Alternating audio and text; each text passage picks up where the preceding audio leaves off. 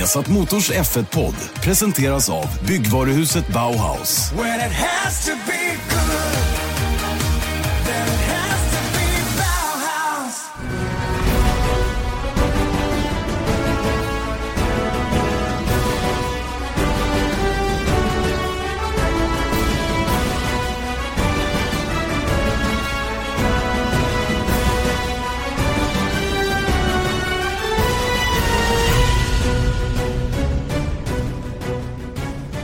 Supervarmt välkomna till Viasat Motors Formel 1-podd. Janne Blomqvist, Erik Stenborg, precis som vanligt med det senaste kring Formel 1 och lite annat också som tangerar Formel 1. Just idag eh, spelar vi faktiskt i måndag kväll och det har sin eh, givna anledning. Hur är LA?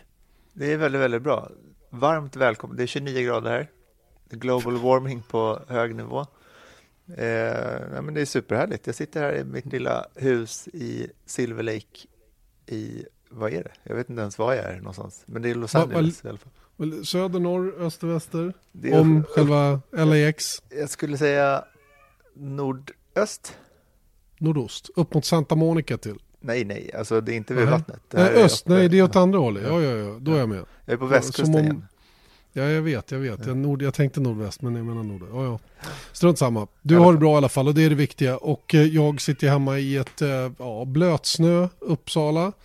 Eh, nollan precis och eh, det, är, det är totalt fruktansvärt just idag. Ja. Alltså, det är så kallt och vidrigt så det finns inte. Det var men, därför jag eh, gjorde det här igen. Ja men jag fattar ju, jag fattar. Jag tror inte jag är avundsjuk. Jag skrev det till dig i veckan, jag är djupt avundsjuk. Mm. Och eh, unnar dig det där till 100%, verkligen.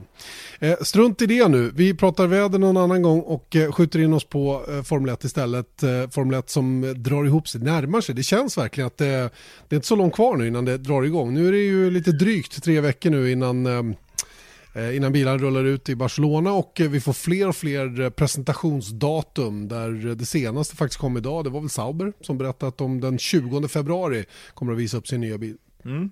Ja, men det är jättekul och det, man märker på massa fronter att det är just, just launchdatumen då men också att jag börjar få alla de här jobbiga papperna Aha. som jag måste fylla i. Vilket är jobbigt Just för då måste jag göra det, du vet, lite. Jag är här med familjen så jag behöver göra det tidigt på morgonen eller sent på kvällen. Så att igår satt jag med lite ackrediteringsjox. Jag, eh, du kommer få ett pass i år igen. Skönt. Otroligt skönt att veta att jag får komma in på banorna även den här säsongen. Eh, ja, nej, men jag fattar ju. Det är mycket sån eh, logistik som måste pysslas om då när säsongen börjar dra ihop sig. Eh, allra först ut att visa bilarna kommer Fred Williams och var den 15. sen så kommer de i, i stridström där. Vissa har det samma dag. Renault var det Renault och Sauber kanske samma dag den 20?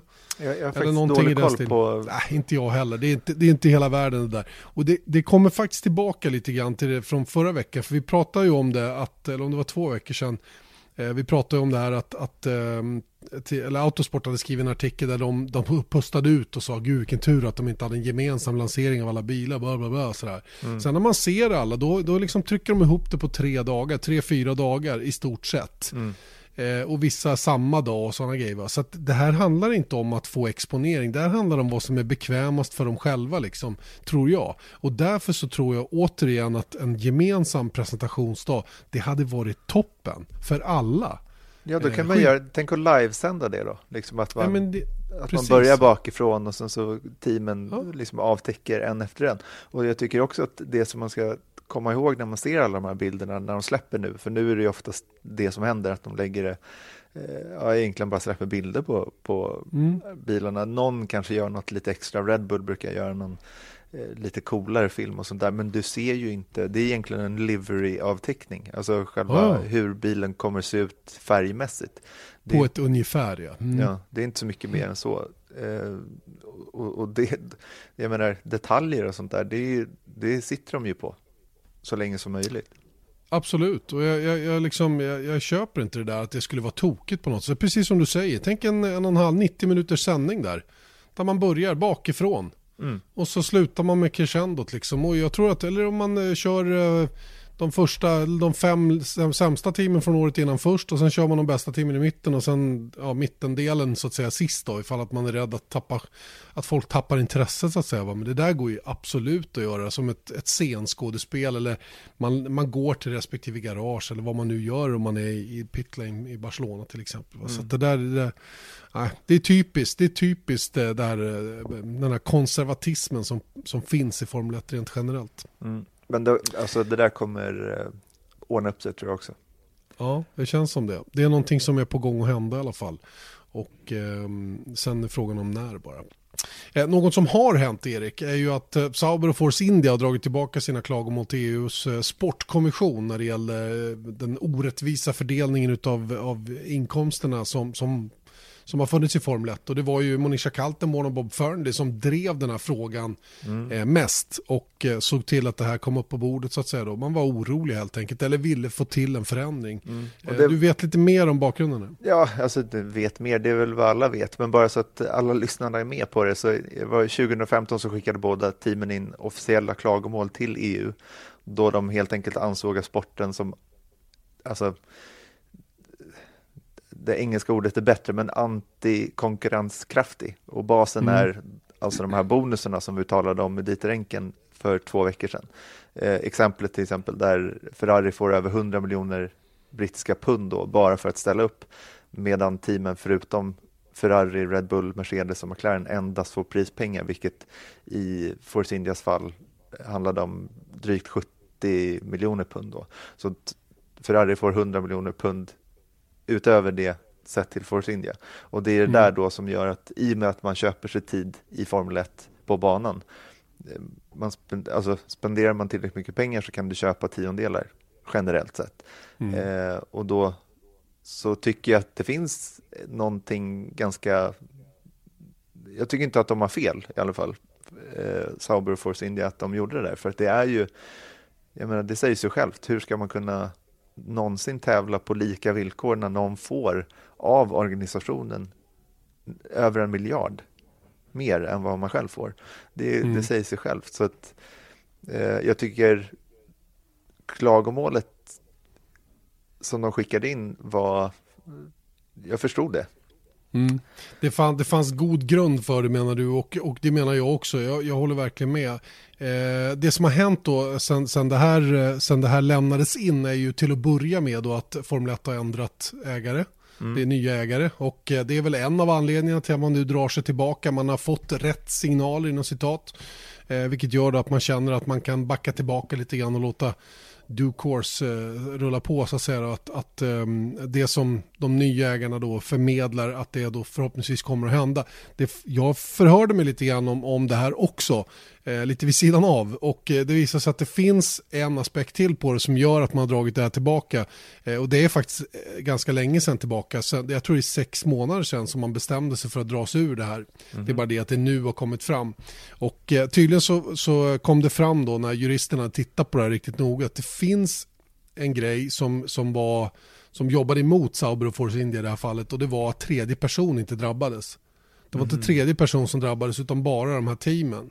Och det, och det gjorde att man eh, från, från EU sportkommission då eh, tveksamma till att ta hela grejen då för att man såg inte riktigt att man hade ett case till 100%. Och det är ju eh, en annan sak då som, som naturligtvis har starkt bidragande till att man nu eh, dragit, sig, dragit sig ur det här och, och, mer eller mindre fokuserar på andra saker. Sen är det väl också så här att det nya ägandeskapet i till exempel Sauber då jag har ingen aning. Självklart ingen aning om det, om det är så att det spelar roll. Men det känns som att det här var en hjärtefråga för Monisha Kaltenborn i första hand. Ja, jag har ingen aning heller. Men, men, jag tror, men du menar alltså att den tredje parten skulle vara tittaren då? Det är vi det. Det är vi ja. konsumenter, ja, precis. Och vi drabbades inte av det här. Mer än resultatmässigt så att säga. Men det var ingenting som drabbade oss ekonomiskt så att säga. Vi, som, som, som konsumenter. Nej, okej. Okay. det, mm. det är väl svårt att trycka på den punkten i och för mm. sig då. Men, men eh, ja, jag, Nej, jag det, tror, var... Det, det, var väl också en, jag vet inte hur, lustigt nog så, så fann jag ju mig på Monica Kaltenborns kontor en gång och fick se på, och då pratade vi hon, eh, hon och jag om, om den här grejen och jag tror att jag vet inte helt ärligt hur, liksom, om hon verkligen trodde att det här skulle gå igenom, utan det var väl en påtryckningsanordning så att säga. Mm. Mer det var för att lyf lyfta frågan. Ja, för det är inget bra för sporten eller var inget bra för Börne Ecclestone att ha en EU eh, officiell EU-klagomål eh, liggandes. Liksom. Så det var väl en sån grej och det är väl det som har hänt nu när de säger då att de säger så här, we have been greatly encouraged by the dialogue that has been introduced following the appointment of Chase Carey. Uh, and his new management team. Their approach has brought a new culture of transparency to the sport and illustrates willingness to debate fundamental issues such as distribution of the prize fund monies, cost control and engine regulations. Så då, jag menar, det är väl egentligen allt de ville ha, tror jag, i slutändan. Agree. Jag tror också att det var på det viset. Man, man, man ville lyfta frågan helt enkelt. Och, och, man har ju fått avsedd effekt med det på det sättet. Nu händer ju andra saker runt omkring då. Som till exempel att Liberty faktiskt köpte Formel 1. Och det, det har ju spelat eh, de här två lite mindre teamen då i händerna i det avseendet. Då. Mm. Eh, men om vi nu genom det här kan, kan se att det är en förändring på gång till 2021. Ja det kan vi ju förmodligen. Vi har ju pratat om det så oerhört mycket under hösten. Eh, även nu, bara för några veckor sedan när vi hade dit Renke med och han pekade på att det här är en super, super viktig fråga som måste adresseras och man måste tydligt försöka göra någonting åt. Eh, så att eh, visst, utifrån det perspektivet tycker jag man kan vänta att eh, en förändring är på gång. Men sen hur stor den blir och vad den kommer att betyda, hur, herregud, man har ingen aning. Nej. Och frågan är då om det här kan slå tillbaka på dem, alltså backfire på något sätt. För att det är lite det som vi pratade om i förra veckan. Det är mycket så referenser bakåt nu, men det är väl mm. härligt att vi har en röd tråd här under vintern. Absolut, absolut. Eh, nej, men det som Christian Horner då menade, att han säger så här att någon måste göra det och då pekar han på FOM, alltså Formula One Management och FIA måste ena sig själva. Att så här, det är det här vi ska göra till 2021 och sen så kommer de bara, det de måste göra är att presentera ett papper där de säger skriv på här för att vara med eller gör det inte. Men då, jag menar det har ju varit eh, all, det är många team som har hotat med att hoppa av genom åren och där inkluderar det såklart då Ferrari, Mercedes och Red Bull. Vad skulle faktiskt hända då om, om det blir så här? För att deras business case är ju byggt på att de får väldigt mycket pengar och det är väl så de går runt i mångt och mycket. Så att vad skulle då hända med Formel 1 om man tänker sig ett fiktivt scenario att Ferrari, Mercedes och Red Bull skulle dra sig ur? Ja, ja, ja det, hur, det där är ju omöjligt att förutse. Naturligtvis skulle de dra sig ur så skulle det skada sporten svårt. Mm. Det är nummer ett. Alltså på kort sikt skulle det bli ett gigantiskt hål. Eh, rent, eh, vad ska jag säga, rent um, ja, hur man ser på, sporten som sådan då. Att tappar förtroende hos, hos kunderna, det vill säga fansen. Ja, de bästa om, teamen om... försvann. Nu är det inte de bästa teamen längre, så då är det verkligen den eh, kungaklassen i motorsporten. Till exempel. Exakt. Mm. Så att, eh, nej, det där, det där är, det är, just den biten är illavarslande helt klart. Va? Men jag tror inte det kommer att gå så långt. Alla är intresserade av att vara med. Ferrari, Mercedes och Red Bull, de är ju med för att de tjänar på det. Och du lyfter ju fram en siffra till exempel senast där Red Bull alltså har 65% av sin exponering i Formel 1, av mm. sin totala exponering. Och Red Bull exponerar. De exponerar stort. De spenderar 30, över 30-30% eh, av sina intjänade pengar direkt, direkt tillbaka i marknadsföring. Och det är ju liksom stora summor. Mm, verkligen. Så det är klart, och det är klart att de gör ju det för att Formel 1 är ju rätt plattform för dem att synas och, och i slutändan sälja burkar. Och det är ju samma med Mercedes och Ferrari som i sin eh, de försöker sälja bilar genom att vara med i Formel 1 och det tror jag de lyckas med. Det, ja men det är ju så, men det är ju också, då, någonstans så blir det ju en, en, den här punkten, när blir det för kostsamt? Jag menar mm. med de här extra utbetalningarna, det har de ju, jag menar, det har de ju velat ha för att eh, gå runt mer så att säga eller liksom inte förlora så mycket pengar på det. För att någonstans så tror jag att att man ser Formel 1 som en marknadsföringsplattform. Marknadsföring är någonting man betalar för så det behöver liksom inte gå runt på kronor och öron. Ö öron? Eh, kronor och ören. Eh, du vet, jag har ju varit i USA så länge nu så att jag börjar tappa, tappa svenskan. Tappa svenska. Eh, Nej men du förstår vad jag ja, menar. Och ja, helt ja, plötsligt visst, drar du bort eh, liksom, om den här miljarden, dryga miljarden som vi pratade om med Ferrari, om den helt plötsligt bara blir en halv miljard. Mm. Eh, då, det är ju pengar bort så att säga. Så att jag förstår att de bevakar sina positioner. Det, och det måste de ju, det måste de ju göra. Och sen finns det ju en annan aspekt på det och den, den jobbar man ju med i andra, med andra handen så att säga. Det är ju att få ner kostnaderna så att de inte behöver den där andra halvmiljarden. Ja, det är ju det. Det är ju det. Och, någonstans och, och, där någonstans, grunden är. Precis, va? Det, det är helt enkelt för dyrt. Va? Men hela tiden, det är ju, det är ju som, um, vem var det som sa det? Då? Att man ska minska storteamens incitament att spendera pengar. Mm. Att det är viktigare. Jo, det var, det var Fred Vassör Fred Vassör som sa det angående cost control och budgettak. Det är viktigare att, eftersom det är så svårt att kontrollera hur mycket pengar man spenderar, mm. så ta bort incitamentet att spendera pengarna för att det ger för lite. Mm. Och då, då, då skulle det kunna plana ut på ett annat sätt. Då. Vilket Men, är väl också det som Ross Braun sa, apropå att standardiserade delar som man inte, ja. som inte liksom gemene tittare bryr sig om. Eh, hur turbon ser ut, det spelar inte jättemycket roll helt enkelt. Så då, om, om den är billigare då kan man låta folk byta så många som möjligt, eller så många de behöver. Eh, slippa gridbestraffningarna också. Ja, man kan ju tubba på kvaliteten lite grann eftersom det är möjligt att byta ut dem och att kostnaden för dem är klart mycket lägre än det man tvingas till idag när de ska hålla sju race. Mm. Alltså det, man, det är också en crossover som man möter någonstans. Var, var, när, när är det bättre att ha fem extra turbo som är billigare. Och som totalt sett blir billigare än att ha eh, bara tre stycken, eller ja, tre stycken blir det ju då i år, eh, svindyra turboaggregat eller vad det nu är i motorn. Då. Mm. Så att det där är, det där är också, eh, ja, det, det snacka om att det går runt, runt bara hela tiden. Och det tråkiga är, och det känner jag lite grann när vi pratar om det, vi, man fastnar i det här skiten. För det här är ju det som jag tycker är minst roligt med Formel 1. Eh, just den här biten. Jag är så otroligt fokuserad på det sportsliga så jag, jag försöker trycka undan de här bitarna som ändå påverkar så oerhört mycket. Det är just det sportsliga. Men mm. man, vi, förr eller man landar ju det här hela tiden. Ja, men för det för... påverkar det sportsliga så, så, stor, så extremt mycket också. Så att jag menar, tänk då om vi når fram till reducerade kostnader åtminstone som gör att eh, det sportsliga blir mycket bättre. Visst, Ännu bättre visst. skulle jag säga, för jag, jag håller mig faktiskt till de eh, som tycker att det sportliga är underhållande och bra idag, men det kan bli såklart ännu bättre.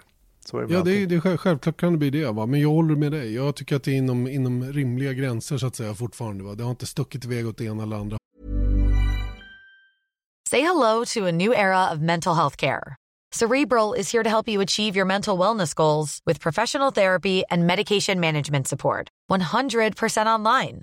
You'll experience the all new Cerebral Way, an innovative approach to mental wellness designed around you. You'll get a personalized treatment plan from a therapist, prescriber, or both in a safe and judgment free space. Your cerebral therapist or prescriber will outline a customized plan with clear milestones along the way so you can get to feeling your best. With Cerebral, you're not alone in your mental health journey. We're here to empower you to live a fulfilling life. So take that first step towards a brighter future and sign up today at cerebral.com slash podcast and use code ACasts to get 15% off your first month. Offer only valid on monthly plans. Other exclusions may apply. Offer ends July 31st, 2024. See site for details. Hey, I'm Ryan Reynolds. At Mint Mobile, we like to do the opposite of what Big Wireless does. They charge you a lot we charge you a little. So naturally, when they announced they'd be raising their prices due to inflation, we decided to deflate our prices due to not hating you.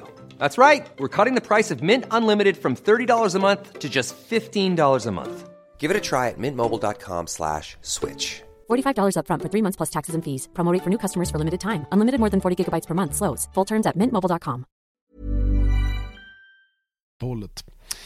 Eh, Alright, en intressant diskussion som lär fortsätta eh, får man väl anta i alla fall huruvida det här eh, med det tillbakadragna klagomålet till EUs sportkommission då har någon påverkan eller inte. Sauber och Force India har i vilket fall gjort det. Eh, någonting som är på gång då Erik, som eh, faktiskt handlar om just ja, lite mer sport i alla fall, det är ju Race of Champions. Mm. Eh, och Race underhållning Champions, i allra högsta grad. I allra högsta grad. Va? Och eh, var de ska köra och letar ställen att köra eventet på och sådana saker. Det touchar Formel 1 ganska mycket i det avseendet, även om det är en mycket, mycket, mycket, mycket mindre skalig historia då. Eh, svenske Fredrik Jonsson är det ju som sköter det här och det gör han ju med den äran faktiskt. Han, han gjorde det tillsammans med sin före detta partner då, Michel Mouton, som, eh, som de drog igång det här och, och ville liksom ville se vad världens förare kunde göra i likvärdigt material och lite grann är ju det som vi, man söker då när man pratar det sportsliga så att säga. Då. Och det gör man ju då i ett miniatyrformat. Från början var det lite mer åt rallyhållet bara men det har blivit mer och mer åt banracinghållet då in i, i stadion och arenor när man kör det här eventet. Då. Jag själv var och såg eh, ett av dem, eh, det som gick på Wembley. Man har kört i Paris, man har kört i Fågelboet i Peking, man har kört det i Bangkok va? Eh, och vad är det mer man har kört? Eh, ah, jag kommer inte ihåg nu, men det är massor med olika ställen och årets upplaga kommer alltså köras i Riyadh i Saudiarabien. Det är lite speciellt där faktiskt att man har hamnat på de här ställena. Jag fick tag i Fredrik Jonsson i en bil jag tror att han satt i bilen i Saudiarabien någonstans på väg till arenan skulle jag kunna tänka mig i alla fall eftersom det är måndag och det börjar på fredag. Så jag skulle, jag skulle faktiskt eh, gissa att han är i Saudiarabien redan och eh, fick en liten pratstund och frågade just om, om det här äventyret och var det kommer ifrån och de här bitarna. Här kommer den intervjun. Ja, Fredrik Jonsson, det är dags för eh, Race of Champions igen. Race of Champions med svensk deltagande den här gången. Ett helsvenskt lag, det har inte varit så ofta. jättekul tycker man ju naturligtvis. Och att det hamnar i Riyadh i Saudiarabien, hur gick det till? Känns lite annorlunda. Ja, Race of Champions. Jag har ju kört runt hela världen. Förra året så var vi i Miami. Eh, året innan dess i London i OS-stadion där. Och vi var i, i Kina efter, i, i Birds Nest efter OS där. Wembley, eh, Paris och så vidare. Så att, eh, vi har haft många erbjudanden från Mellanöstern men det har oftast eh, varit något som hänt eh, innan vi har lyckats bli klara och få till en tävling här. Men den här gången så, så gick det väldigt, väldigt eh, fint. Det är stora förändringar här i Ria. Den nya kronprinsen eh, öppnar upp landet och eh, vill verkligen att det ska bli mycket mera eh, underhållning för eh, en befolkning som 70 procent är under 30 år. Så väldigt, väldigt kul och vi har fått ett väldigt positivt intryck. Vi har nästan helt klara med banbygget snabbare än någonsin eh, tidigare och tror att vi har kanske den bästa Race of Champions stadionbanan någonsin. Eh, så jag tror att killarna kommer tycka det är väldigt, väldigt kul.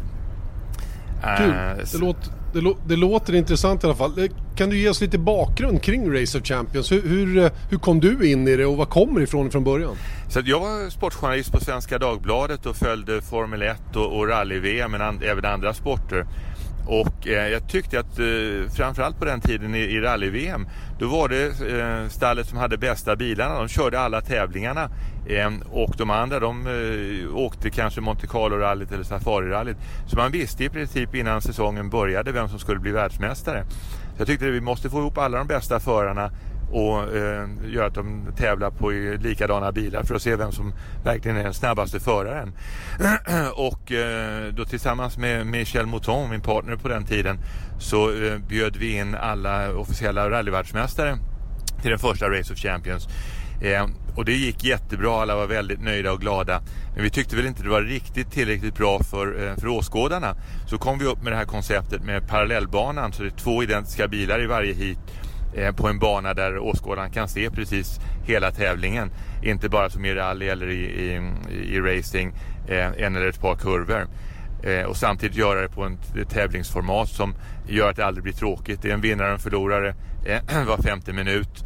och hiten då när det är identiska bilar blir väldigt, väldigt tajta. Det är ofta eh, tusendels sekund som avgör tävlingen. Eh, hur lätt är det att få dit förare då? Jag vet att du får ju ofta många Formel 1-förare som kommer och ställer upp och även racer från andra kategorier. Eh, hur, gör du för att få dem att komma så att säga? Då? För det är ingen som får betalt utan det är ju för att man tycker det här är kul om jag har förstått det rätt. Det, det här är, jag tror att vi har lyckats positionera Racer Champions som någonting så pass eh, attraktivt för förarna. Att det är en ära att bli inbjuden och, och nästan alla eh, som blir inbjudna eh, gör allt de kan för att kunna komma Eh, många roliga historier som de flesta av de här eh, stjärnorna i dagens läge, de har ju vuxit upp och sett Race of Champions eh, när de var unga. till exempel Sebastian Vettel när vi bjöd in honom eh, för första gången när vi körde på Wembley Stadium. Eh, då hade han precis börjat i Formel 1 och han sa det Fredrik, jag har tittat på Race of Champions hela mitt liv och drömt om att en dag vara med här. Jag kan inte tro det är sant, jag är bara 20 år och är redan här. Så sa jag det, Seb, jag bjuder in dig varje år. Då sa han, okej, okay, då kommer jag varje år. Så jag, okej, okay, låt oss skaka hand på det. Så han, men Fredrik, vad händer om jag gifter mig den helgen då? Så jag, Seb, kom igen, du kan väl visst gifta dig på en annan helg? Han säger, ja du har rätt. Låt oss skaka hand på det. Så skakade vi hand och sen så när han hade vunnit sin andra världsmästartitel i Formel 1 och kom Då fick man en jättekram när han kom in och sen sa han du Fredrik, jag har inte glömt bort vår överenskommelse. Så att eh, han kommer varenda gång han kan.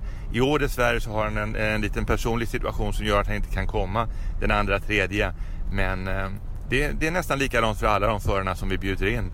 De är väldigt, väldigt glada och så i år då Timo Bernhard som eh, vann Le Mans 24 timmars tävling i år och är världsmästare i endurance en, en gång till. Han var för första gången på Race of Champions i Nürburgring 1989 med sin pappa och har sedan dess drömt om att vara med i Race of Champions och nu får han chansen då för första gången. Ja, det låter ju fantastiskt. Eh, Michael Schumacher ställde ju ofta upp och kom också. Det, det vållade lite bekymmer om jag förstod det hela rätt. För han kunde ju inte sitta och köra vilken bil som helst. Och du har ju partners från olika märken så att säga. Hur löstes det där? Så att i, i princip alla förare kör åtminstone fyra olika bilar varje gång. Eh, och nästan alla team, i och med att förarna kör i sina egna overaller och sina egna hjälmar så, så får stallen och sponsorerna eh, exposure och identifiering med förarna. Eh, men det är ett par av de stora biltillverkarna som inte då vill att deras förare ska köra ett direkt konkurrerande bilmärke. Och det var situationen då med Fiat-gruppen med Ferrari eh, och, och Mikael. Men eh, och det är likadant med, med Mercedes-föraren. De får inte köra en, en Ferrari till exempel. Men eh, vi ser alltid till att det blir åtminstone fyra olika bilar Eh, som alla måste köra för att kunna vinna Race of Champions.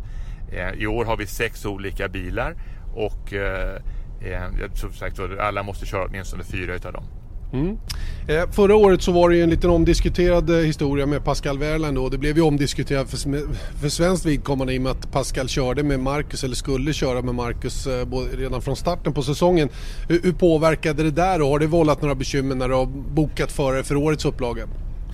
Så att eh, under 30 år av Race of Champions har vi haft två eh, krascher där förare har blivit lindrigt skadade. Eh, och eh, som Pascal själv sa efter fjolårets olycka, om inte han hade varit med på Race of Champions så hade han förmodligen varit och tränat eh, på sin cykel ute på vägarna eller åkt skidor. Eh, två aktiviteter som dessvärre har visat sig vara betydligt farligare för racerförare än vad det är att tävla på Race of Champions historiskt sett. Så att det, jag, jag tror att de flesta är, är helt eh, medvetna om att det är en motorsport kan vara farligt eh, men att Race of Champions det är relativt säkert. Eh, vad som hände förra året var att vi hade den här eh, Polaris Slingshot-bilen, den trehjuliga som eh, var jättekul att köra men naturligtvis inte lika stabil som en fyrhjulig driv, eh, bil. Så att vi använder inte den igen i år då. Eh, vi hade också ett nytt bankoncept eh, eh, som gjorde att det då var möjligt för bilarna att köra ihop. Så det har vi också ändrat till i år. Jag tror att det var en väldigt, väldigt oturlig krasch det som hände. Men som sagt vi försöker lära oss varje år och, och förbättra det. Så att det är säkert så att ett par förare som Pascal själv säger, jag kommer att komma tillbaka till Race of Champions men inte eh, i år då. Jag vill inte ta några som helst risker. Så att eh, det kan väl ha påverkat lite i år men jag tror att överlag så, så är det inte någonting som kommer att påverka. Nej, och det är inte de där hysteriska farterna heller på den här lilla trånga banan som ni har. Det fantastiska ni får till inne på en stadion som som är nästan, man, man förstår egentligen inte hur det går att köra den här typen av bilar och att ni dessutom kan få till en sån här bana. Imponerande. Ja, nej, det, du ska säga, årets bana är ännu bättre eh, än, än de senaste åren. Och jag menar, när du får chansen att åka med bilarna eh, med de här bästa förarna i bilarna.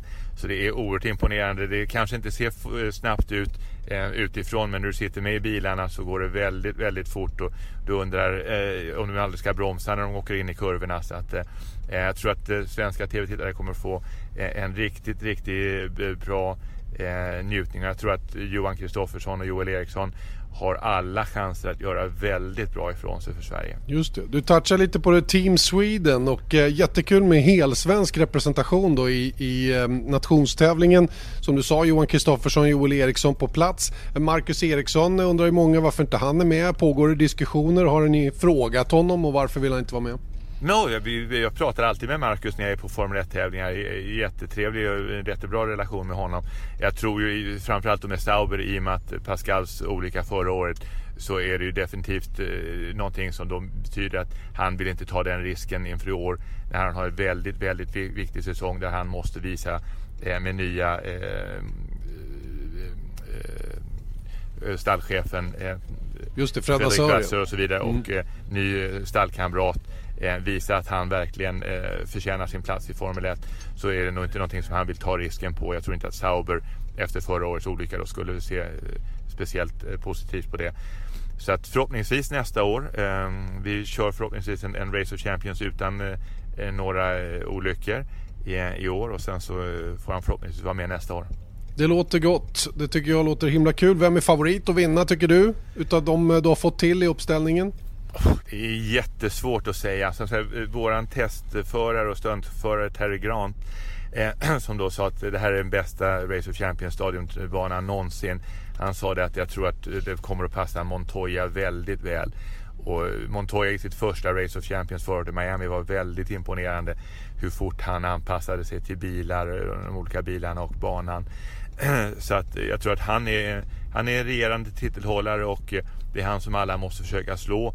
Ehm, Tom Kristensen, oerhört imponerande. Han har varit i eh, finalen förra året i Miami, året innan i, i, i London där han fick stryk mot, mot Vettel. Han var i finalen i, i Bangkok mot eh, eh Roman Grosjean i Düsseldorf mot, han fick stryk mot Sebastian Ogier. Eh, jag tror att alla skulle vilja se eh, Tom högst upp på pallen. Så att eh, han kommer säkert vara med där och, eh, och eh, kämpa för segern. Jag tror att, eh, om jag har förstått saken rätt, med Petter Solberg eh, är ju lyrisk över Johan Kristoffersson, hur snabb han är. Eh, så att eh, det ska bli väldigt intressant att se om, om han kan ställa till med en överraskning. Eh, det är väldigt ofta som eh, första gångs deltagare gör väldigt bra ifrån sig. Så att, det ska bli spännande att se. Jag tror att både Joel och Johan helt seriöst kan ställa till med en sensation i, i Rock Nations Cup. Låter fantastiskt kul och eh, ska bli jättekul att se fredag, lördag alltså på Viasat Motor kommer ni att se. Även på TV10 faktiskt kommer vi att sända Race of Champions kommande helg.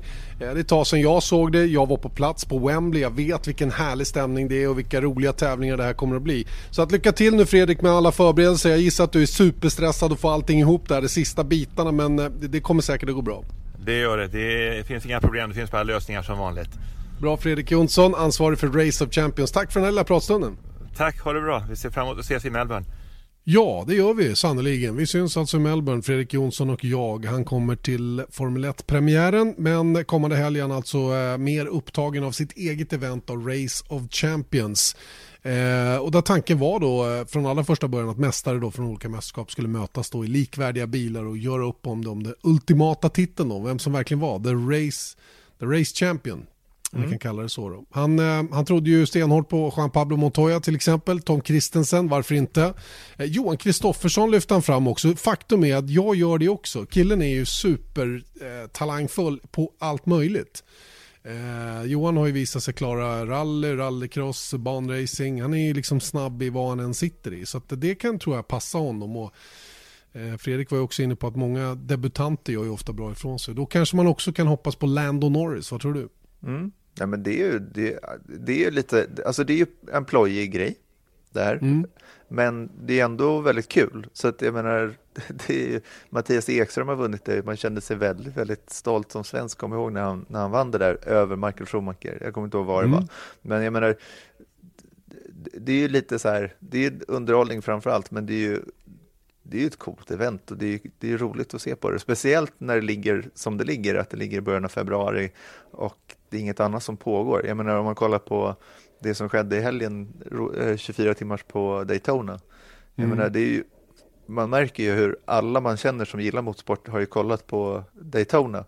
Mm. Och det hade man ju inte gjort om det låg i juli. För att då... då och, det, och det är dötråkigt att kolla på det, så ursäkta, men det är liksom, det, det är som jag sa till någon som frågade, det, men det, det där är, det där blir som att lyssna på våran podcast samtidigt som det kör bilar i bakgrunden och man kan kolla på dem. Det blir mm. lite så. Mm.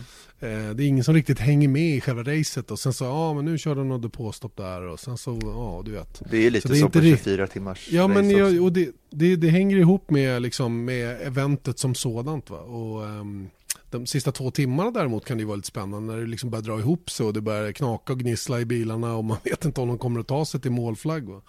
Så att, uh, jag tycker det är lite kul. Nej, det här ska bli roligt och jag får ju äran att kommentera det också till helgen, fredag, lördag här. Så att, uh, det ska bli lite spännande. Det var ju ett tag sedan sist jag gjorde det. Mm. Så att um, kul. Uh, inga, inga nuvarande Formel 1-förare i årets uppställning med, av förklarliga skäl. Vi är ju inne på det lite grann i intervjun också där med Pascal Wehrlein om det försvårade att få dit några stjärnor. Uh, Vettel hade ju skakat hand på att han skulle jämt komma men nu, ja, nu hade han något annat som han var tvungen att göra den här gången då.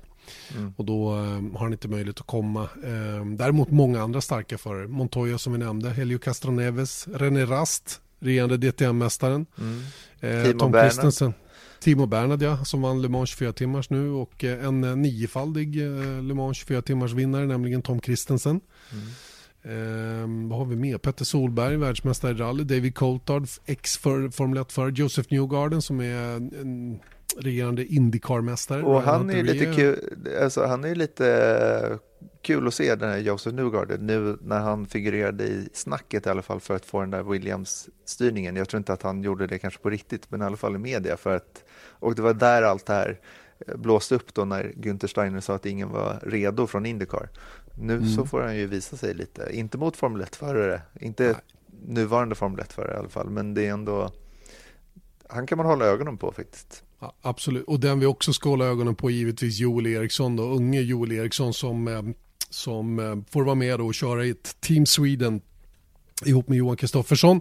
Eh, Joel som kanske inte är lika beprövad i andra typer av bilar då, att han är duktig att köra eh, lite mindre formelbilar, det har han ju visat. Eh, förmodligen väldigt snabb också en DTM-bil när det drar ihop sig till säsong.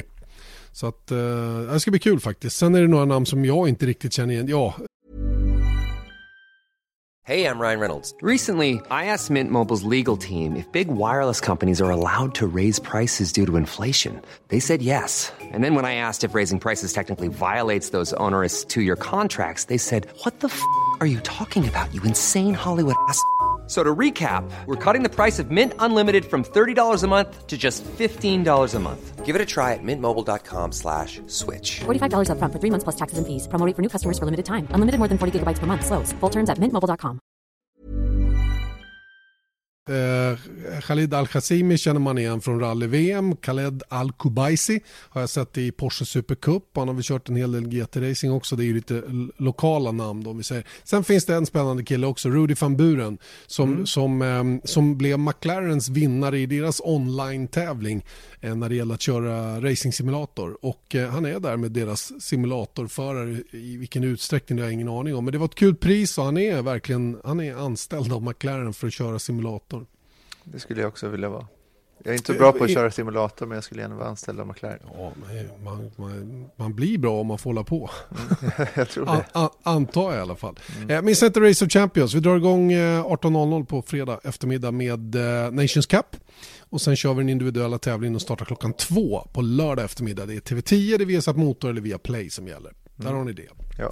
Och så finns det ju lite dubbla anledningar till att vi pratar. Dels så var den här fina eh, puffen då för att man ska titta på detta.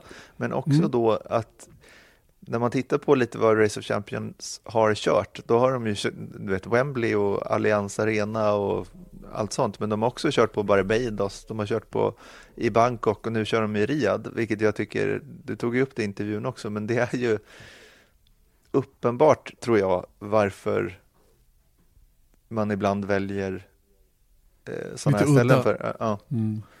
Och eh, ta det vidare du.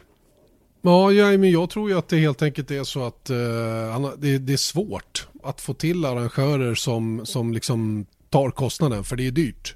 Mm. Skulle jag gissa att dels anlägga banor, ja, men inte bara det, utan det är liksom hela grejen. Det gäller att få ihop det och det gäller att hitta en arrangör och, förmodligen så är de lite mer välvilliga då i, i ställen som är inte så konventionella i racingsammanhang då, eller, eller konventionella på det sättet. Kanske har massor med andra event som pågår.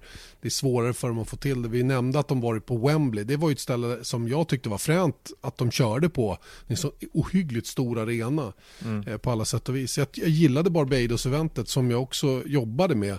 Eh, där man körde utomhus på någon, eh, jag vet inte hur, ja det var en spännande liten historia som man hade där, eh, ja utomhus, men man var inte inne på en stadion om du förstår vad jag menar. Nej.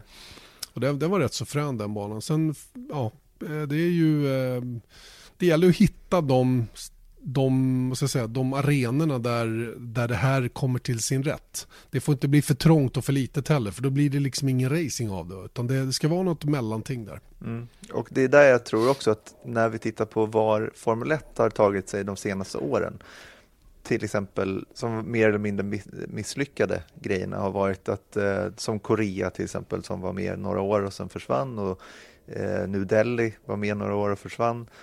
Eh, Turkiet har inte, fick inte ihop det. Eh, jag menar det, det Baku nu. In, sa du Indien? Indien ja. ja, ja, ja. Eh, och det är ju för att det är, det är samma princip där. Jag tror, jag tror att det är ju oerhört dyrt. Jag vet vi inte minst från Baku när vi gjorde lite djupdykningar i det eh, förra året, att hur dyrt det faktiskt är att anordna ett Grand Prix. Och nu när vi börjar prata om, eh, vet det ryktas om eh, eh Danmark, det ryktades om ja, massa, att det ska gå upp till 25 race inom närmsta åren. Och framförallt att de sa att det var 40, 40 intresserade arrangörer som hade hört av sig. Precis. Eh, och då är det inte så himla lätt ändå. För att jag tror att det är väldigt många som är intresserade av det, men det är få som kan faktiskt täcka de kostnaderna. Exakt, va? och det är ju där man, jag tror att de 40 intressenterna kommer utav, också av samma anledning som vi pratade tidigare, det nya ägarskapet. Man tror man, man, man tolkar signalerna som att nu kommer det att bli lättare att förhandla till sig en bra deal. Mm. Och eh, det, det, kan vi ju egentligen inte svara på ännu, för det vet vi inte. Men, men eh, Ja, jag, jag är inte alls så säker på att de kommer att få så lätt att hitta arrangörer som tar det här eventet eh, och blir liksom den här institutionen i kalendern då som många av racen ändå är. Vid Silverstone, Italien. Båda de som jag nu nämnde är ju sådana som har legat i brygga hundratals gånger eller inte hundratals, men väldigt ofta i alla fall varit i brygga för att kunna klara eventet överhuvudtaget och ändå har de varit med och har sån enorm tradition. Mm. Och där kan man ju också se att Silverstone har, alltså Spa föll bort. Mm. Silverstone har nu sagt upp sitt kontrakt eh, av olika skäl då, men, men eh, jag menar... Men sen, i, ja. främst är det ju ekonomi. Ja, men det är ju, det är ju ekonomi mm. som det handlar om. Och sen mm. så tror jag att det kan också komma att bli bättre, men det är ingen så här walk in the park att skaka fram de här kulorna heller. Speciellt när det är nytt race, för då ska du liksom första racet är det dyraste som finns, för då måste du ju köpa in allting. Mm. Och få allting i rullning. Och jag menar att Danmark då, jag pratade med min danska kollega i förra veckan och han säger att det finns jättemycket som är på plats för ett danskt Grand Prix. Men det finns ju otroligt, det finns ju mycket mer som inte är på plats för att det ska gå hela vägen fram. Mm. Eh, och, och, då är det inte minst politiskt, att då ska hela Danmark, eller hela Danmark, hela Köpenhamn ska ju liksom påverkas av det här. Och det är inte alla som är superpositiva trots att Formel 1 är stort i Danmark. Nej. Nej, nej, och det gäller ju att samla alla krafter så att säga så att alla drar åt en och samma håll för annars blir det onödigt krångligt. nu verkar det som om, eh, eh, som om Charlie Whiting har varit och tittat på Assen. Mm. Eh, banan i Assen där, det är ju egentligen en motorcykelbana, eller den, var väl, den är väl primärt en motorcykelbana om jag har förstått det hela rätt. jag är inte hundra på det. Men Assen, om, jag har ju kommenterat eh, Hollands Grand Prix därifrån i, på motorcyklar. Mm. Eh, så det är, det är ju en jätte, jättefin racerbana och eh, med Max Verstappens eh, gigantiska, eh, vad ska jag säga, fanskara jag hörde att hans, den som har hand om hans fanklubb köper 110 000 biljetter i år. Wow. 110 000 biljetter till Max Verstappens fanclub. Kom igen nu, fans av Marcus Ericsson. Mm. Magic Marcus Ericsson. Exakt. Man säljer de 10 000 biljetter så får väl det vara bra. Ha, har, de, eh, har de en fanclub? En nej, jag vet inte. Ingen aning. Nej, den här killen, han är ju helt, det är helt galet. Han, och han ser till att det blir eh, superservice och vi vet ju 80, vad var det, 80 000 holländare som kom till, till, till, till spa bara. Mm. Var det ju en siffra som fick. Liksom. Exakt, exakt. Så att, eh, och eh, i Holland då är det naturligtvis rimligt att köra på ett bra, en bra bana då, typ Assen då. Sandfort är ett annat, en annan eh, en annan bana som de har varit och tittat på vet jag. Mm. Eh, sen om den går att köra Formel 1 på, den känns lite trång och liten ärligt talat för att, eh, för att hantera det. Jag har ju sett när de har kört DTM och Formel 3 där och det, det är inga omkörningsfäster direkt. Eh, och eh, det är väl, väl smalt där kanske. Jag, jag, vet faktiskt inte. Det, det har ju kört Formel 1 där, men då såg det ju lite annorlunda ut. Mm. Eh, och sen, ehm, ja, Sean Bratish där, han var ju intresserad av stadslopp i Holland istället. Ja, och det är väl lite det här som jag tänker är lite sådär, äh, går lite stick i stäv med att om man tittar på, på Paul Ricard nu, det finns ju ingen liksom större tätort, tät, största tätorten i närheten är väl Marseille och det är mm. väl vad är det, ett par timmar bort kanske? Nej, det är inte så mycket, inte så mycket. Men säg 45 minuter då, 50 minuter upp mm. backen där, förbi vinddistrikten. Ja. Mm. Och om man då tittar på vad eh, Liberty vill göra, de vill ju ta in Formel 1 i städerna och se till att det blir ett event i hela städerna. Och om det då ligger liksom, jag menar, en bana ligger i Linköping, Mantorp. Jag menar, det är lite långt bort från Stockholm då, om man mm. då skulle se det som ett svenskt GP, men vilket det kommer aldrig hända. Men om man då Jag ser det som att ett, ett, ett holländskt Grand Prix eh, liksom make sense på alla sätt och vis med tanke på Verstappen.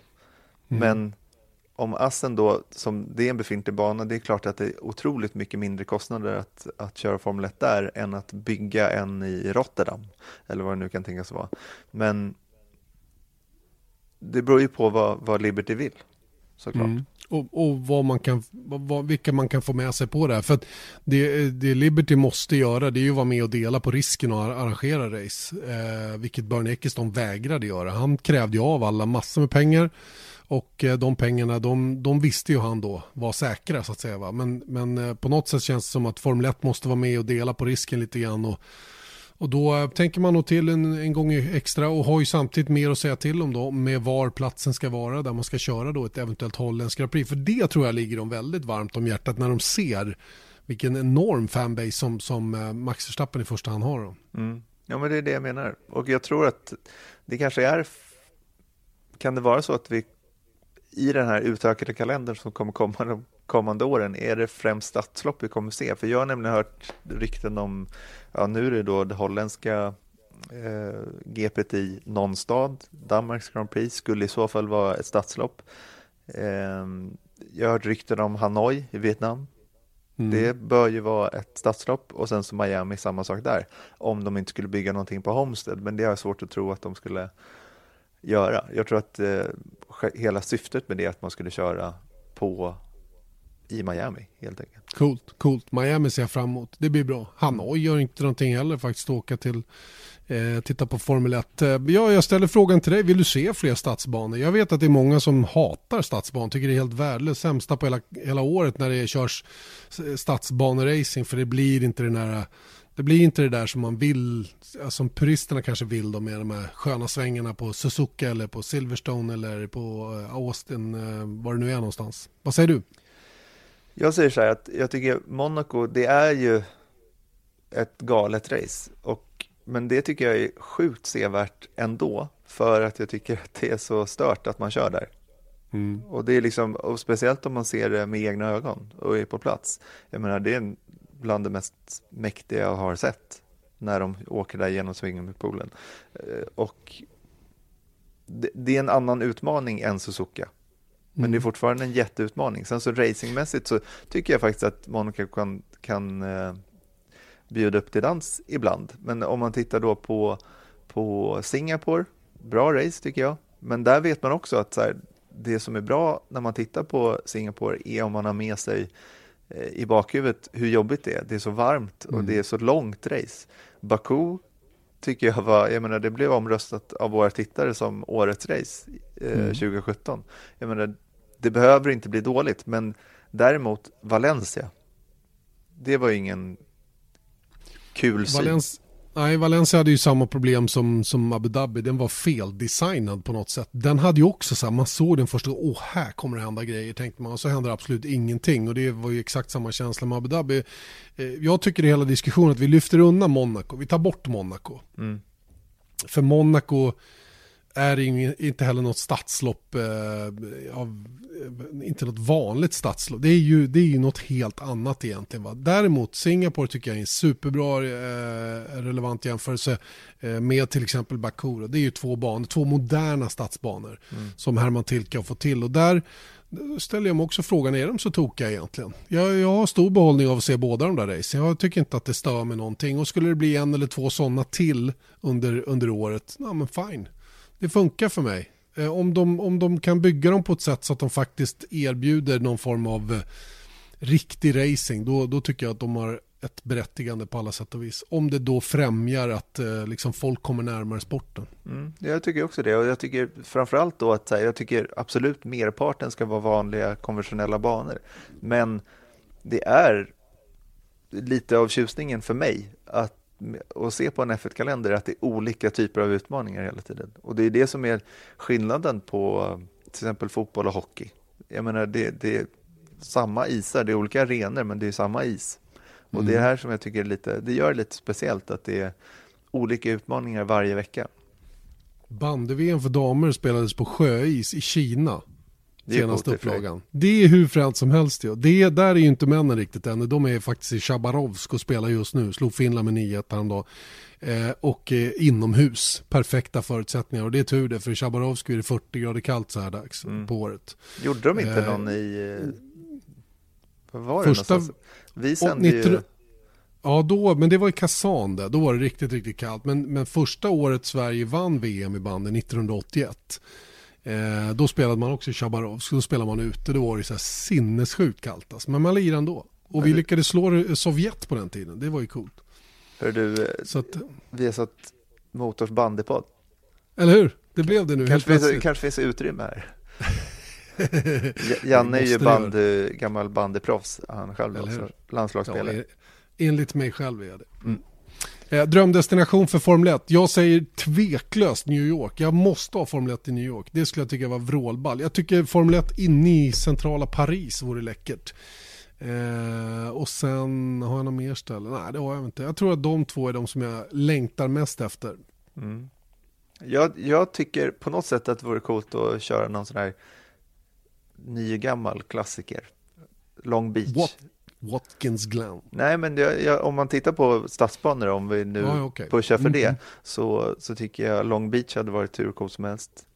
För att, jag menar, jag kommer inte ihåg den banan eller hur, hur det funkar. Men jag menar, där tror jag också att där finns det ju en rimlig, jag menar, där kör de ju Indycar. Mm. Visst gör de det fortfarande?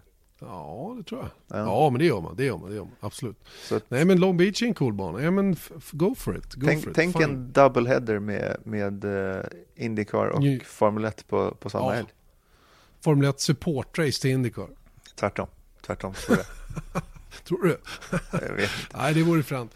Eh, helgen efter varann. Ett, ett street race i New York och sen nästa helg så åker vi draka över till, till Los Angeles och så kör vi Long Beach. Det blir perfekt. Mm. Perfekt. Du får fixa det, du som är där borta just nu. Jag ska se om jag träffar någon.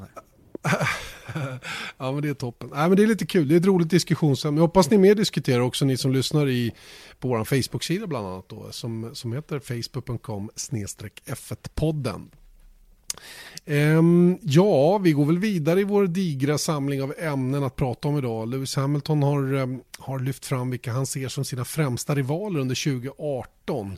Och eh, ja, det är väl inga skrällar direkt. De, som, de namnen som dyker upp här, det är väl eh, det, två av dem är självklara tycker jag. Sebastian Vettel, Max Verstappen, men han lyfter även fram Fernando Alonso. Det är helt uppenbart att alla går runt och känner nu att McLaren och Fernando Alonso kan ju bli, kan bli lite vassare under 2018. Jag, jag är inte kanske lika övertygad ännu i alla fall. Vi får väl se. Mm, nej, men vi får se, men jag tror också att det är ett så här förarna han mest respekterar kanske i, i sådana, han kanske menar mer åt det hållet, jag vet inte.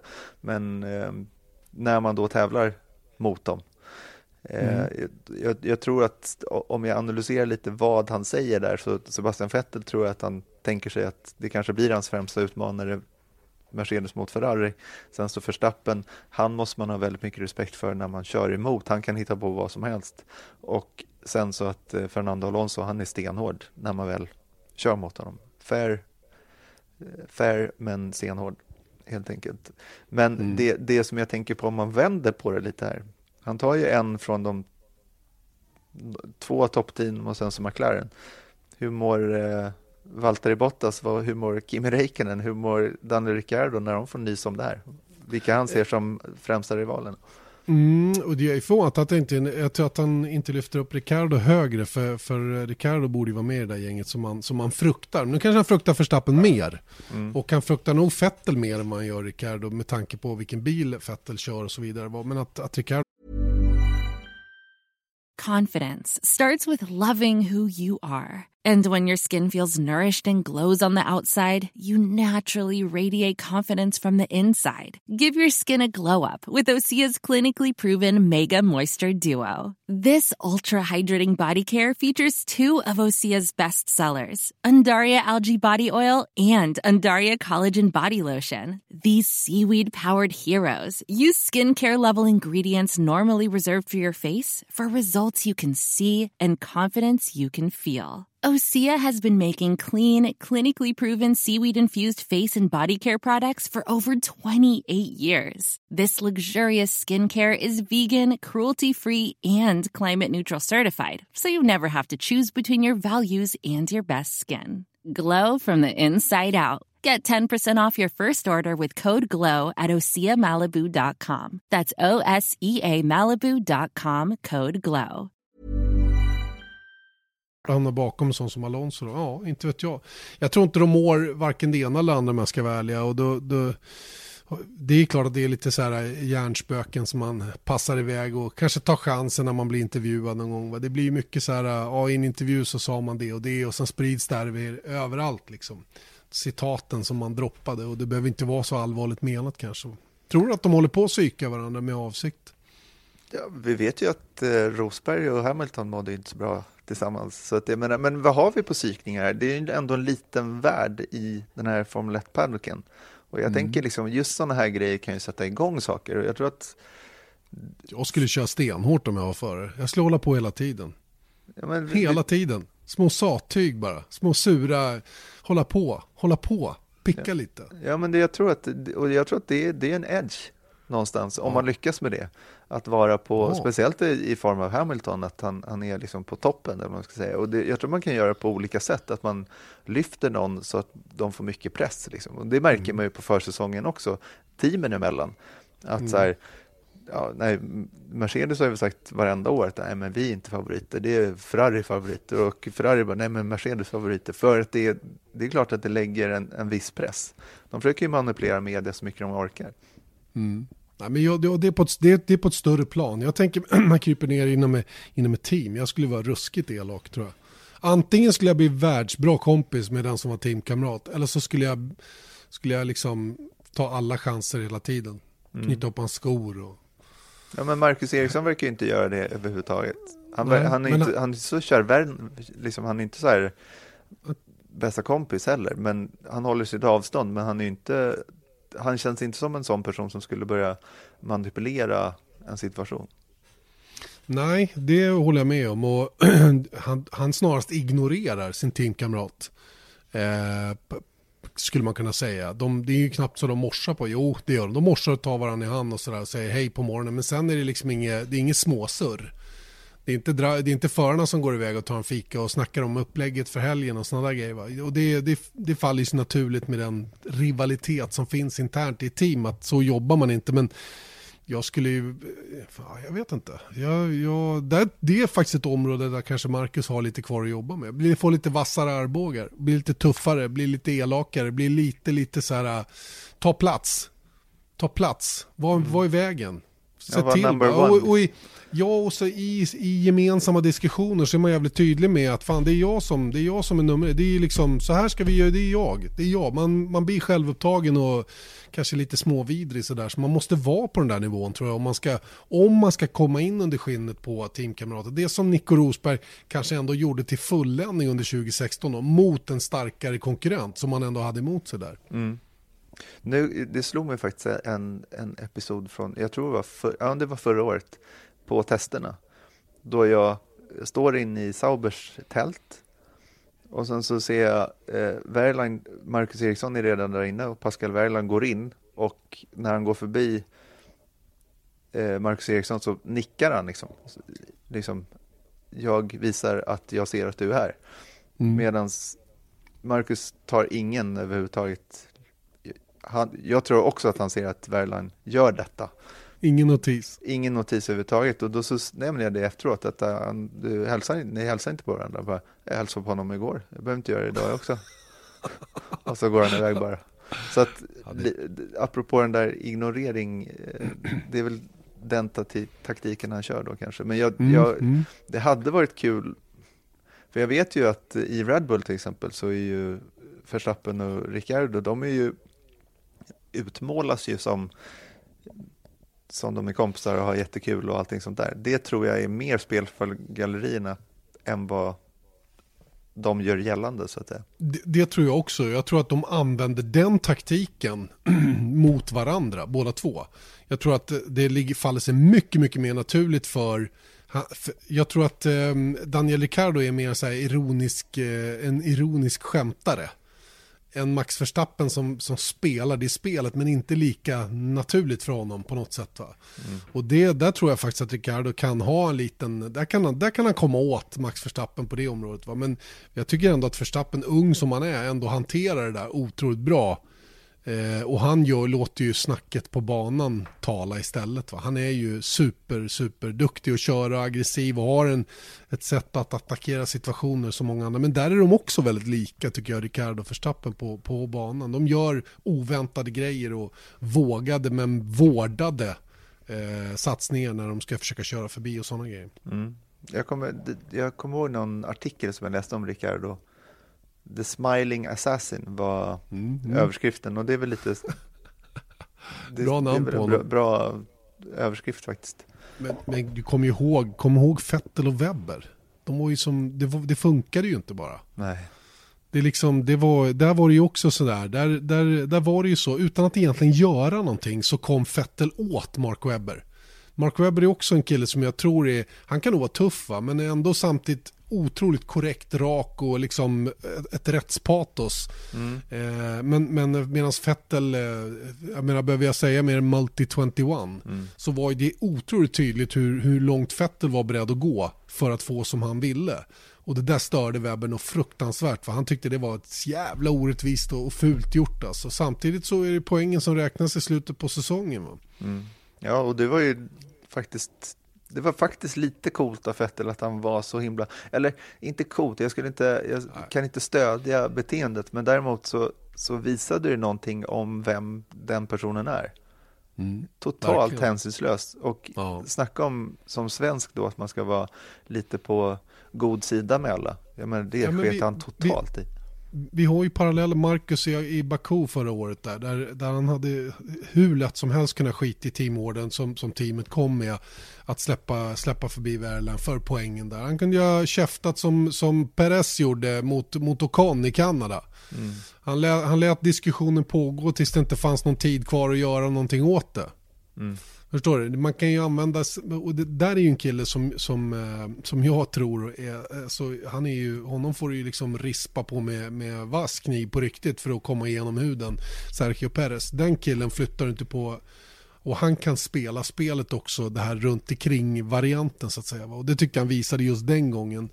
Där det var, där de tjafsade så otroligt länge där, där, där Ocon ville förbi och Perez ville inte släppa förbi och det höll ju på att sluta med en, med en ja, med en krasch de två emellan i stort sett. Mm. Ja, men så är det. Vi hade sam ju... Samtidigt kan man ju vända på det, apropå det som i vår intervju med Marcus Eriksson för ett antal poddar sedan så säger han också att så här, lojalitetsfrågan har ju varit ett starkt kort för honom, inte minst till att få förnyat förtroende till i år. Så jag, mm. menar, en sån där emotkäftning kanske, jag vet inte. Ja. Det, det, det, såklart att det finns två sidor om det. Det är ett bra exempel, för där har vi ju den, den grejen i Monaco med, med Felipe Nasser. Mm. Och det här kanske inte jag berättade för någon tidigare vad som egentligen hände där. Det var ju en rätt intressant historia där. Det, det känns det som att det är preskriberat nu va? Är det inte det? Just den historien. Your call. Okej, okay. Men det var ju, ni minns ju hur det var där i, eh, i Monaco och Marcus försökte sig på omkörningen utav, eh, utav eh, Felipe Nasser efter att Nasser då ett antal varv blivit ombedd att släppa förbi Eriksson som var snabbare i det läget. Det slutade med att Marcus försökte ändå och, och eh, supertydligt på bilderna i, i, tv så ser man ju hur Naser precis när Marcus kommer då bara styr han in. Han bara svänger in bilen åt höger och, och hade lätt kunnat undvika den här kontakten men valde att inte göra det och efteråt så så, eh, så var ju eh, Nasser, eh, för att vara lite, uttrycka mig försiktigt, så var han ganska tydlig med att han hade inga som helst planer på att låta Marcus köra förbi. Och eh, det var ju ingenting som framkom då, men det är saker som man får, sånt tar man med sig, tror jag. Mm. Det, det, sånt sprider sig och ingenting som, som ses på med blida ögon heller om man, om man kör sitt eget race för hårt så att säga. Mm. Vad, var, vad var det du inte har berättat? Ja, alltså, ja, men det, vill, det där var bra. Det var bra. Mm. Det, det räcker så. Okej, okay. all right. Nej men det var, det, var, det, det var egentligen vad Nasser sa efteråt där. Och, och det var ju en, det, det är liksom, jag tycker det var rätt tydligt på, det visar ju på hur han fungerar och agerar i det läget. Och han, var ju, han är ju precis i raka motsatsen till Marcus Eriksson då i den situationen som var då till exempel i Baku. Mm. Där, där eh, det inte alls var samma grej. Utan Marcus gör ju det han blir tillsagd helt enkelt. Men förväntar sig då att få saker och ting, eh, den, den omvända reaktionen så att säga. Va? Mm. Ja, och, och, och titta på en liknande situation som hände också i Ungern där med Hamilton och Bottas i fjol då. Att eh, Hamilton får komma förbi Bottas då. Han blir förbisläppt Bottas och sen mm. så, eh, men han ger då tillbaka positionen trots att han var typ sex kurvor bakom. Eh, så att Hamilton slog ju nästan av i krypfart sista varvet för att släppa tillbaka Bottas. Mm. Han var rädd om sitt anseende där. Ja, och där, det, där hade han ju kunnat göra då, då, tror jag att han kanske kände att han var tillräckligt långt framför ändå, så det, han hade inte så mycket att förlora på det. Eh, Hamilton alltså. Men Nej. jag menar, han var så pass långt bak så att jag tror inte att det hade varit så konstigt om han bara hade kört över linjen och tagit de där extra poängen. Mm. Ja, nej, det där är jättesvårt att veta hur han tänkte just i det läget. För mig var ju den situationen glasklar. Där skulle han släppa Bottas tillbaka för han hade inga chanser att komma någon vart själv heller. Han försökte och, och det var ju det de hade gjort upp. Mm. Du får åka förbi, du får försöka, kommer du inte förbi då byter vi tillbaka. Och det, sådana grejer kan jag tycka att man ska hedra. Då, de, då, då får man, då får man liksom göra som man har gjort upp om innan. Eh, inte hitta på någon efterhandskonstruktion om ditten eller datten. Utan är det så det är bestämt, ja då är det så det är bestämt och då gör man det bara. Det är, det är punkt slut. Och det, det gjorde han väldigt, väldigt bra den gången tycker jag. Mm. Det gjorde inte Verlan i Baku då? Nej, nej, ja, jag vet inte. Det var väl helt enkelt så att Marcus blev ju ombedd att släppa Verlan förbi sig och gjorde det då. Mm. Jo, men han skulle ju få, få tillbaka det. Det var ju det ja, som var, så, det var, var dealen. och så fick han inte det. Men då var det ju då att, jag tror att van Dorn som låg Ja, väldigt de nära. Sa det, ja, men det var det. Ja. Mm. Så är det. Så är det. Psykningar bland förare var lite grann, um, lite grann rubriken på det här surret och det förekommer säkert. Men kan säkert utvecklas mer, tror du inte det? Det tror jag, verkligen. Och det, det är också en sån här kul grej och det brukar alltid utkristallisera sig lite. Jag tror att eh, Renault kan vara kul att hålla koll på i år med mm. Hylkenberg och Sainz. Mm när det börjar hetta till för Hylkenberg framförallt tror jag som kan få det lite jobbigt med, med, med om Sainz skulle åka ifrån honom här. Då blir han kanske inte så rolig att intervjua igen, jag vet inte. Nej, kanske inte. Nej, men det är väl sånt här som, som fans eh, efterfrågar också. Lite mera rivalitet, lite sådana skön rivalitet. Mm. Det är väl det. Det är typ eh, Hunt, och, Hunt och Lauda och Prost och alla de här. Det, är väl, det hör man ju titt som tätt att folk efterfrågar. Och då är, då är det väl bara låta spela på bara. Kör på, säger vi till alla förare. Korrekt. Toppen bra. Eh, ja, då ska vi, vi vår sista punkt då rör ju faktiskt det som kommer till, eh, det vi kommer till om, om tre veckor drygt, nämligen testerna i Barcelona. Och eh, det är ju så att jag upptäckte på Barcelonas banans hemsida att de är på att lägga om asfalten. Mm. Och det här gör man väl främst för MotoGP om jag har förstått det hela rätt. Att man anpassar banan lite bättre för MotoGP. Men det här kommer ju naturligtvis få stor påverkan också för Formel 1. Eh, där eh, åtminstone Pirelli tror att det kommer att hända en hel del de här första dagarna i alla fall. Jag fick frågan av någon som undrade vad jag trodde. Jag sa att jag har ingen aning hur det kommer att påverka. Men du vet att man lägger asfalt som ska påminna om det man hade tidigare så? Ja, och det är ju lite det som är grejen. Att anledningen till att man Tidigare har man kört i Jerez och man kört i Bahrain och man kört i, eh, och i Barcelona då på de senaste årens försäsongstester. Men sen så sket man i Jerez och kör endast i Barcelona. Och det var ju väldigt mycket då, dels för att Barcelona är bra, den är väldigt varierande, de har snabba kurvor och långsamma kurvor, men också att eh, asfalten där genererar väldigt mycket energi till däcken, för den är väldigt grov, skulle man kunna säga, rough. Mm. Eh, abrasive. Abrasive, ja. Eh, mm. Och det är bra när det är lite kyligare i eh, södra Europa. Jag menar, ibland är det inte över 12 grader på de här försäsongstesterna och då, jag menar, mycket av de här testerna handlar ju om att testa däck. Och då gäller det att det är rätt förhållande för att testa däck. Och då har asfalten varit bra i Barcelona och det, det ämnar de då att ehm, eh, efterlikna i det här utförandet också av den nya asfalten också. Men Så strukturen det, på det man lägger ska påminna om det som var tidigare då? Precis, men det är mm. samtidigt väldigt ny asfalt och den vet man ju hur den blir, att den blir dels slätare. Jag menar, även om den är grov så kan den vara slätare. Och sen mm. så att den blir lite oljig, inte samma grepp. Eh, så att det som Pirelli då gick ut och sa att de tror att det kommer bli väldigt mycket track evolution de första, åtminstone en, två dagarna under det första mm. testet. Jag kan tänka mig. Och då är det ju också en sån där, nu passar väl det ganska bra ändå eftersom de första dagarna handlar väldigt mycket om funktionstester och sånt där, att man, man, man kanske inte pushar på allt vad man orkar, men samtidigt sett det testmässigt att nu när man bara har de här åtta dagarna att köra på, om man kan då ta bort två dagar sett det däckstestmässigt, det är inte så speciellt bra. Man tappar ju två dagar där. Ja, så är det. Så är det faktiskt. Och, eh, men samtidigt får man ju värdefull data inför Grand Prix som kommer då eh, några månader senare. Då, så att, ja, någonstans är det väl nytta för alla i alla fall. Mm. Hur man än ser på det. Eh, faktum är att även Silverstone håller på att lägga, av, lägger om asfalt på mm. vissa delar. Jag vet inte om de gör hela banan men definitivt att man höll på att fräsa bort. Och jag såg att de hade börjat någonting som skulle pågå åtminstone ett par veckor. Vilket talar för att de nog gör merparten av varvet i alla fall. Eh, som, som får ny asfalt då. Mm. Och jag tror att de höll på med något liknande faktiskt på Kota också. För att det alltså, är så ja, ojämn... Eh... Ja, just det. Det, var, det sa ju Marcus och de som körde där att det var ju fruktansvärt, framförallt på bakrakan. Och det har blivit mycket, mycket, även in i det här snabba S-partiet mm. Eh, var det tydligen ohyggligt ojämnt och, och svår, svårt att bemästra bilarna just genom där. Då. Mm. Så det, det, är nya utmaningar, men det, det är i alla fall någonting att tänka på när man då följer testerna sen. Men du såg du bilderna från Kota där under vintern? Det har ju varit massor med snö där. Ja, just det. De körde ja, men hur kan det vara snö i Texas? Ja. Det är 29 grader i Los Angeles. Så ja. det är väl eh, den här Donald Trump heter han va? Just det, just det. Apropå miljö och, och, sådant. Så det kanske är någonting att tänka på.